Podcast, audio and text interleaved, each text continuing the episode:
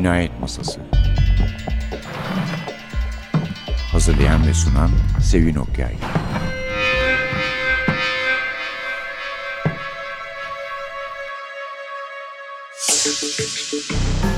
Merhaba, NTV Radyo'nun Cinayet Masası programına hoş geldiniz. Efendim bugün yazarımız Mark Billingham kitabımızda Ölüme Beş Kala. Yani daha önce de bir Mark Billingham yapmıştık ama hangisiydi hatırlamıyorum. Yazı yaptığımızı biliyorum. Bu kitabın özgün adı The Dying Hours. Türkçe'ye çeviren Burak Şenel. Orkinos yayınlarından çıktı. Bu şey değil yani bizde anca sırası gelip de basılmış eski bir kitap değil. Yazarın Tom Thorne dizisinin son kitabı. Bu Sleepyhead'le başlamıştı. O zaman orijinalleri vardı bizde. Onlardan söz ediyorduk. Scaredy Cat, Lazy Bones. Çok da hoş isimleri vardı. Hoş da kitaplardı. Sonra The Burning Girl, Lifeless, Buried, Death Message, Bloodline, From the Dead, Good as Dead, Dying Hours'ta 11. kitabı. Gerçi geçen yılın kitabı, bu yılın kitabı değil ama geç kalmış bir kitapta sayılmaz doğrusu. Yazar diyor ki dedektif müfettiş Tom Thorne'u tanımlaması istendiğinde hep okuyucu ne biliyorsa ben de o kadar biliyorum dermiş. Okur da benim kadar duruma hakim. Ben onlardan daha fazla bir şey bilmiyorum derdim ve bu sözümde de duruyorum diyor. Ee, onu Sleepyhead için ilk kitapta yarattığım zaman asla sabit bir karakter, değişmez bir karakter, olduğu gibi kalacak bir karakter olmaması gerektiğine karar vermiştim. Ve onun gelişmesini istiyordum her kitapla birlikte, değişmesini, hepimizin yaptığı gibi ve ne yapacağının önceden tahmin edilememesini de istiyordum ki gerçekten de öyle bir karakterdi. Burası kesin. Dizi, kitap, seri kitap yazan pek çok yazar kahramanları hakkında kalın dosyalar tutarlar. Karmaşık biyografilerdir bunlar. Kahramanın aile tarihinden tutun da işte bacaklarının, kollarının ölçüsüne, bütün fiziki özelliklerine en ince noktasına kadar giren, bunları kaydeden özellikler, dosyalar. Ben halbuki her yeni ton romanını yazdığımda olay örgüsüne bağlı olarak ne olursa olsun sovanın bir zarının daha açılmasını planlamışımdır hep ve bunu da yaptım. Tom Thorne hakkında şaşırtıcı her kitapta yeni bir şey çıkardık ortaya. Hem başkalarını hem beni şaşırtacak bir şey. Daha muhafazakar okurlar bunlardan hoşnut kalmayabilirler ama elimizden de bir şey gelmez. Eğer ben karaktere hala ilgi duyarsam ki bu değişikliklerle tabii bunu bu ilgiyi duymayı da garantiye aldığını ihsas etmek istiyor. O zaman okur da duyar demiş e, Mark Billingham ve bir karakterin ne yapacağının evvelden tahmin edildiği gün yazarın da artık orada durmayıp yoluna devam etme günü demektir.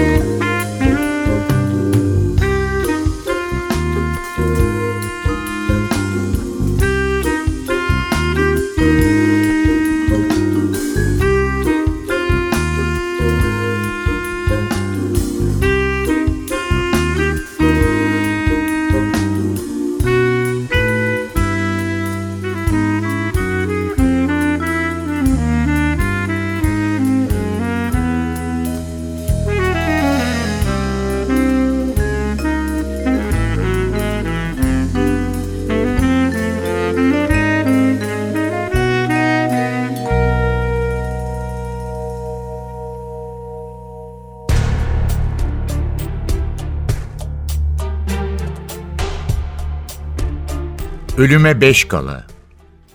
Özellikle Thorn, gece vardiyasındaysa nadiren karşılaşan iki yabancı gibiydiler. Fark etmez dedi Helen.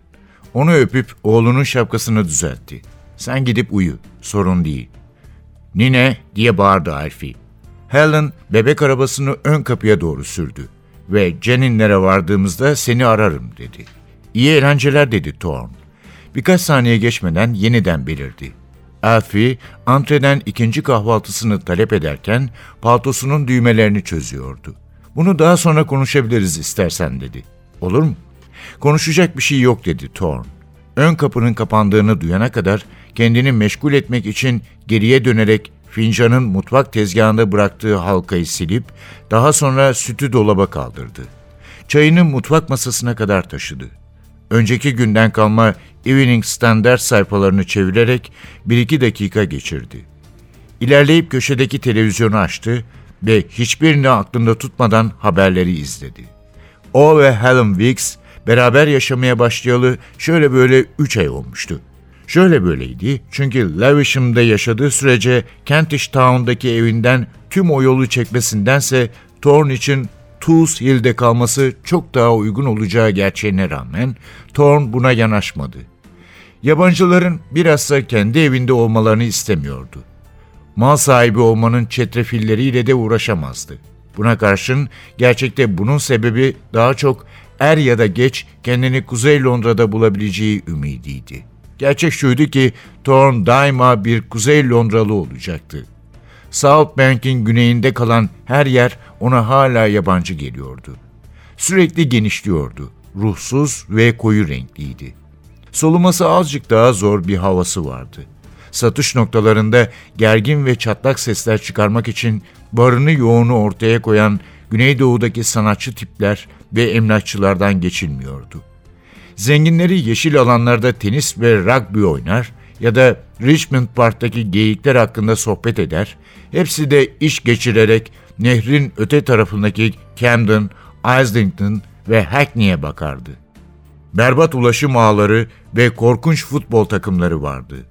Thorn oldukça fazla Güney Londralı'nın Kuzey Londra'ya aynı ürpertiyle baktığını biliyordu. Fakat bu umrunda değildi. Kuzey Londra bildiği şehirdi, sevdiği şehir.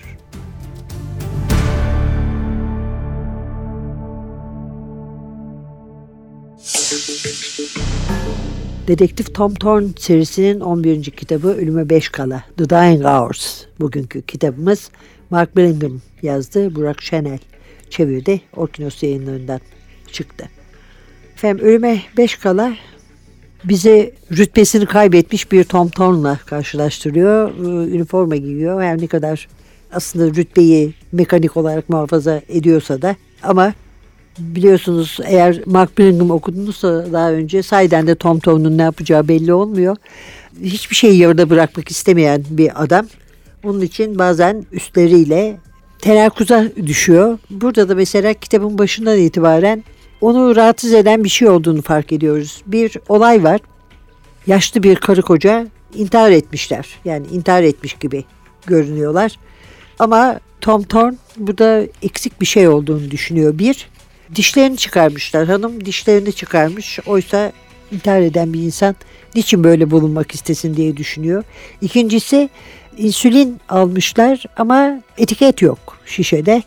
Bir şeydi daha var ne olduğunu bilemediği içine sinmeyen ve herkesi bizar etmeye başlıyor yani dolaşarak birlikte çalıştığı arkadaşlarının birlikte yaşadığı küçük de bir çocuğu olan sevgilisi polis Helen'in de itirazlarına rağmen ki Helen çok anlayışlı bir hayat arkadaşı ya da partner bunu rahatlıkla söyleyebiliriz. Ve araştırmaya başlıyor. Başka yerlere gidiyor. Hatırının geçtiği arkadaşlarından küçük bilgiler, iyilikler istiyor. Bana borcun varlar yapıyor. Ve ille de sorularının cevaplarını bulmak istiyor. Üstelik de birkaç ay önce ki bir olaydan dolayı rütbesinin düşürmüş olması da onun önünü kesmiyor. Kimine göre beceriksiz, kimine göre aptal. Kimse onu ciddiye almıyor ama Thorn kendini ciddiye alıyor. Olayları ciddiye alıyor ve bu işin peşinden koşuyor. Öte yandan katilimiz de gizli değil. Çünkü o da hemen karşımıza çıkıyor kitapta. Gerçi adı yok ama onun katil olduğunu anlamamak da doğrusu mümkün değil. İlk bölümde doğrudan ne kadar kan gerek diye başlıyor. Ve biz katilimizle karşı karşıya geliyoruz. Sonuna kadar katil olduğunu biliyoruz. Yani biz başkaları gibi Tom Thorne'dan şüphelenme lüksüne sahip değiliz. Çünkü hakikaten bu olayın, olayların daha doğrusu sonradan da anlaşılacağı gibi intihar değil cinayet olayları olduğunu biliyoruz.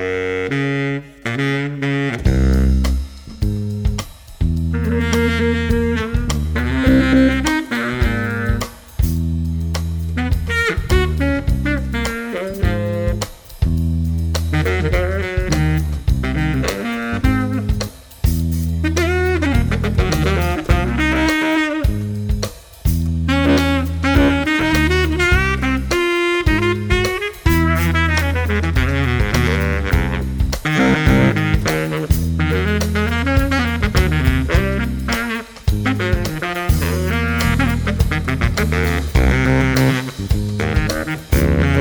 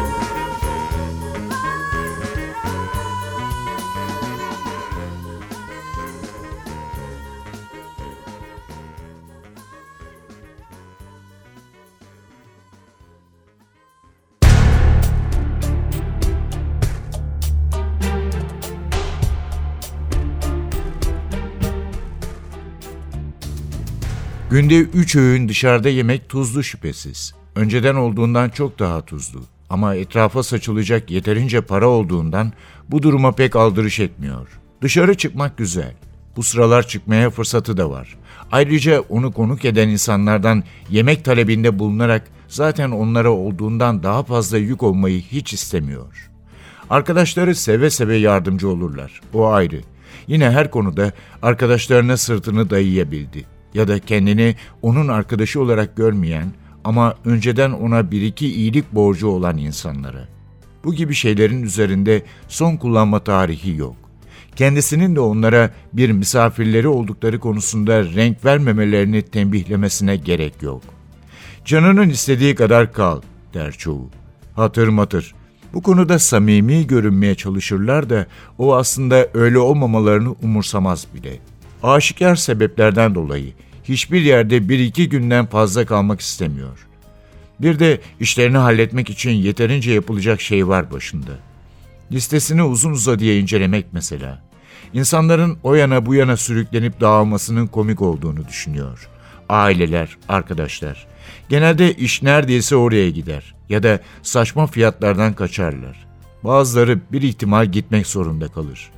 Londra çok sayıda farklı şehri andırıyor. Anlaşıldı, hatırda kalan yaygara oluyor. Tiksindirecek kadar büyük bir İngiliz kahvaltısından kalanları süzüyor.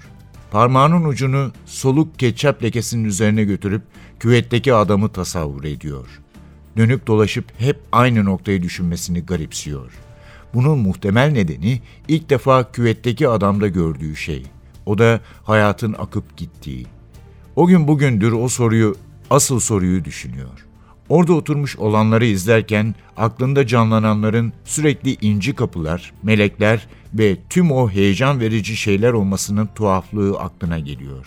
Şartlar, olanlar göz önüne alınırsa gerçekten de bayağı gülünç. Öteki tarafı düşünüyor olması gerekti. Şu cayır cayır yanan yeri. Hepsi saçma bunu biliyor ama yine de ölümden sonra olabilecek şeyi düşünürken, gerçekten var olabilir mi diye düşünürken cennetin aklına gelmiş olması bile garip.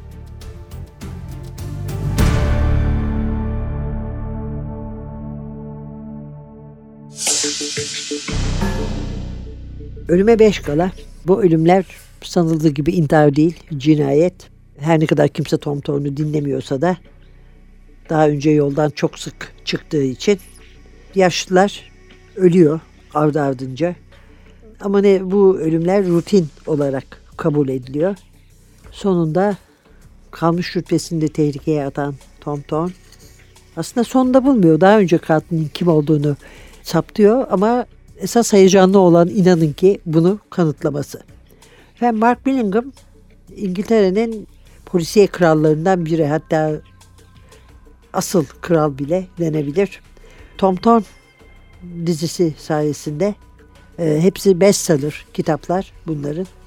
Gerçi şunu da kabul etmek lazım ki ilk kitabı okuduğum zaman da ben çok beğenmiştim. Yani istikbal vaat eden değil iyi yazan bir yazardı düpedüz. Onun için baştan itibaren bestseller olmasına ve iyi eleştirilerde almasına şaşmamak lazım. Oysa kendisi tiyatro okumuş bir sosyalist tiyatro kurmuşlar. Bread and Circuses, ekmek ve sirkler diye turneye çıkmışlar. Okulları da dolaşmışlar. Sonra Birmingham'dan Londra'ya geçmiş oyuncu olarak birkaç tane televizyon dizisinde de oynamış. Ama bir bakmış ki boyuna ona sözde farklı kötü adam rolleri veriyorlar. Oyunculuktan vazgeçmiş. Diyor ki meselenin yetenek değil yakışıklılık olduğunu fark ettiğinde. Sonra da komedi yapmaya karar verdi. Stand-upçı olmaya. O sıralarda ki durumunu şöyle anlatıyor. 5 dakikalık parasız spotlardan eğer yeterince azimliysen 10, 20, 30 dakikalık paralı programlara geçiyorsun. Ve işte bir yıl içinde doğru düzgün bir yerde belki oynayabilirsin. Ama sonunda anlaşılan bütün bu stand-up, komedi, dram, kötü adam tecrübelerinden sonra da yazmaya karar verdi. Ne var ki pek çok söyleşide de söylediği gibi, kendisinin de belirttiği gibi komediyi, kendi stand-up'larını, yazı yazmayı bir bütünün parçaları olarak görüyor. Birbirini tamamladıklarını düşünüyor. Aynı numaralar var, Türkler var ikisinde de diyor. Sağlam bir açılış. Stand-up yaptığın zaman sahneye çıkarsın ve onları yakalamak ya da kendin yuhalanmak için 60 saniyen vardır. Artık ne yapacaksın? Sana kalmış. Doğrusu yazar olarak Billingham'ın kitabın başında okurlarını yakaladığını rahatlıkla söyleyebiliriz.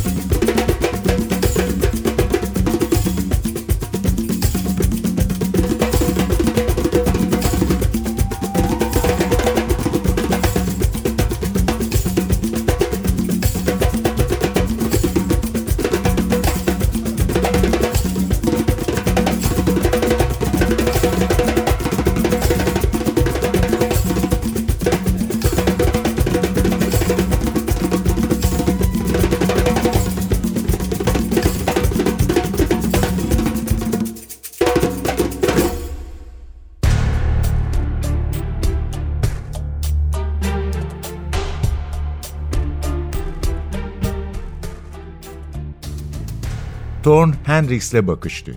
Bakın yine de bir soruşturma ihtimali var ve eğer soruşturma açılırsa o bu odada tam olarak olanların mümkün olduğunca net bir şekilde aklıma yazdığımdan emin olmak istiyorum.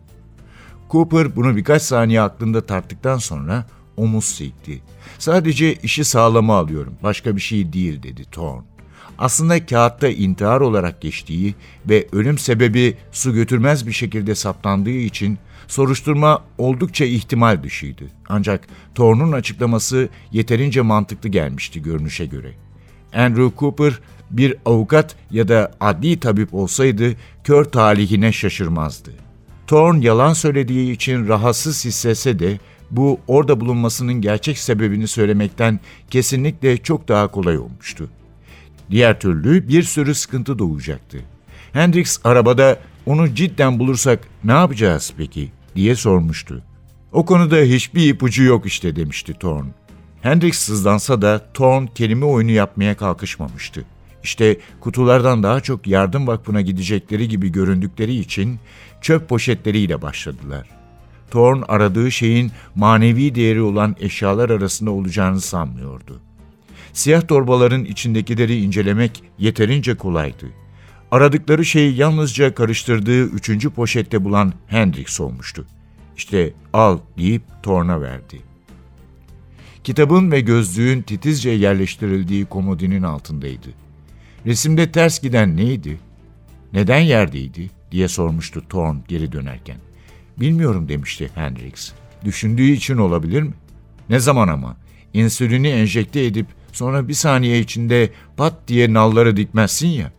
Kitapta elinden düşmez böyle. Daha da önemlisi sen ve yaşlı kocan birbirinizi öldürmeden önce oturup birkaç dakikanı bulmaca çözerek geçireceğini hiç zannetmiyorum. Sen zannediyor musun? Her gece yaptığın bir şey olduğu için çözersin bulmacayı. Bu onun rutini değil mi? Banyoda dişlerini çıkarması gibi. Sıradan yani her gece yapıyor bunları.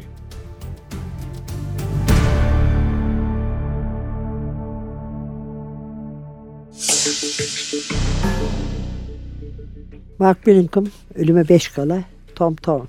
Billingham Tom Thorne'u 2001'de ki ilk romanı için yarattı. Sleepyhead. Buradan ne kadar karışık kafası olduğunu da anlayabiliyorduk burada bu kitapta onu. Ve ondan sonra da işte bu 11. kitabı uzun zamandır birlikteler.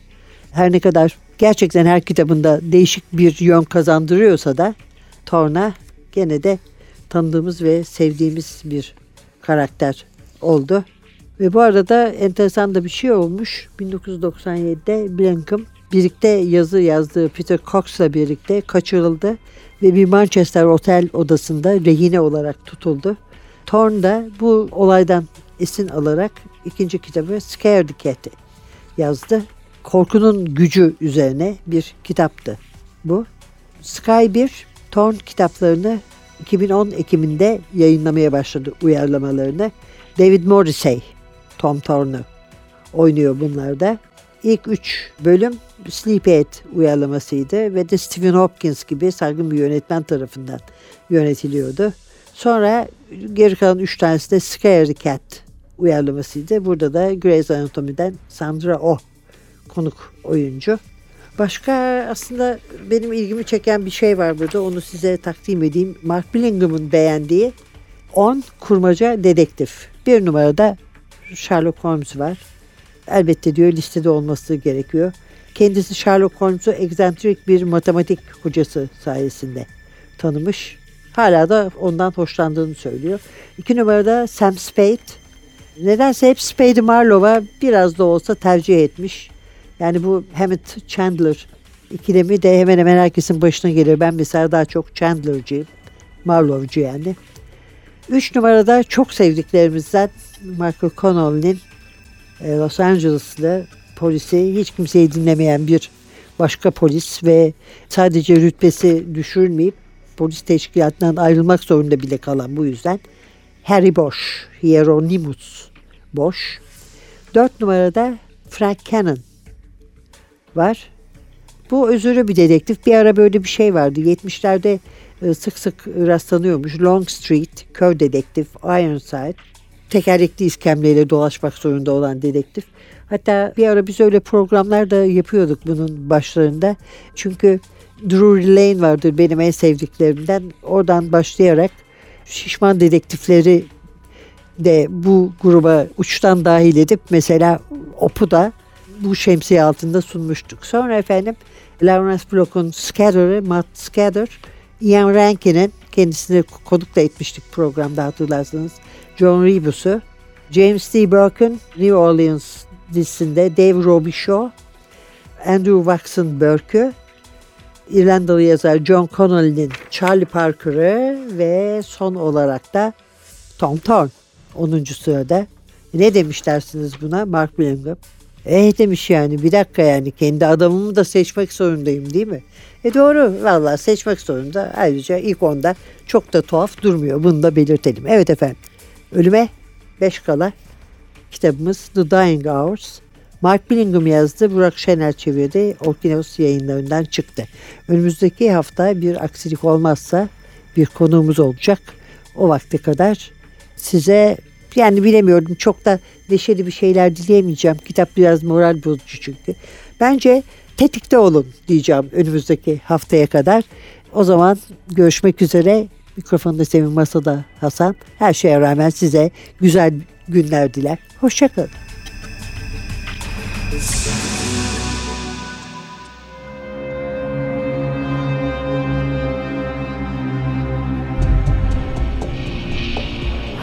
Cinayet Masası.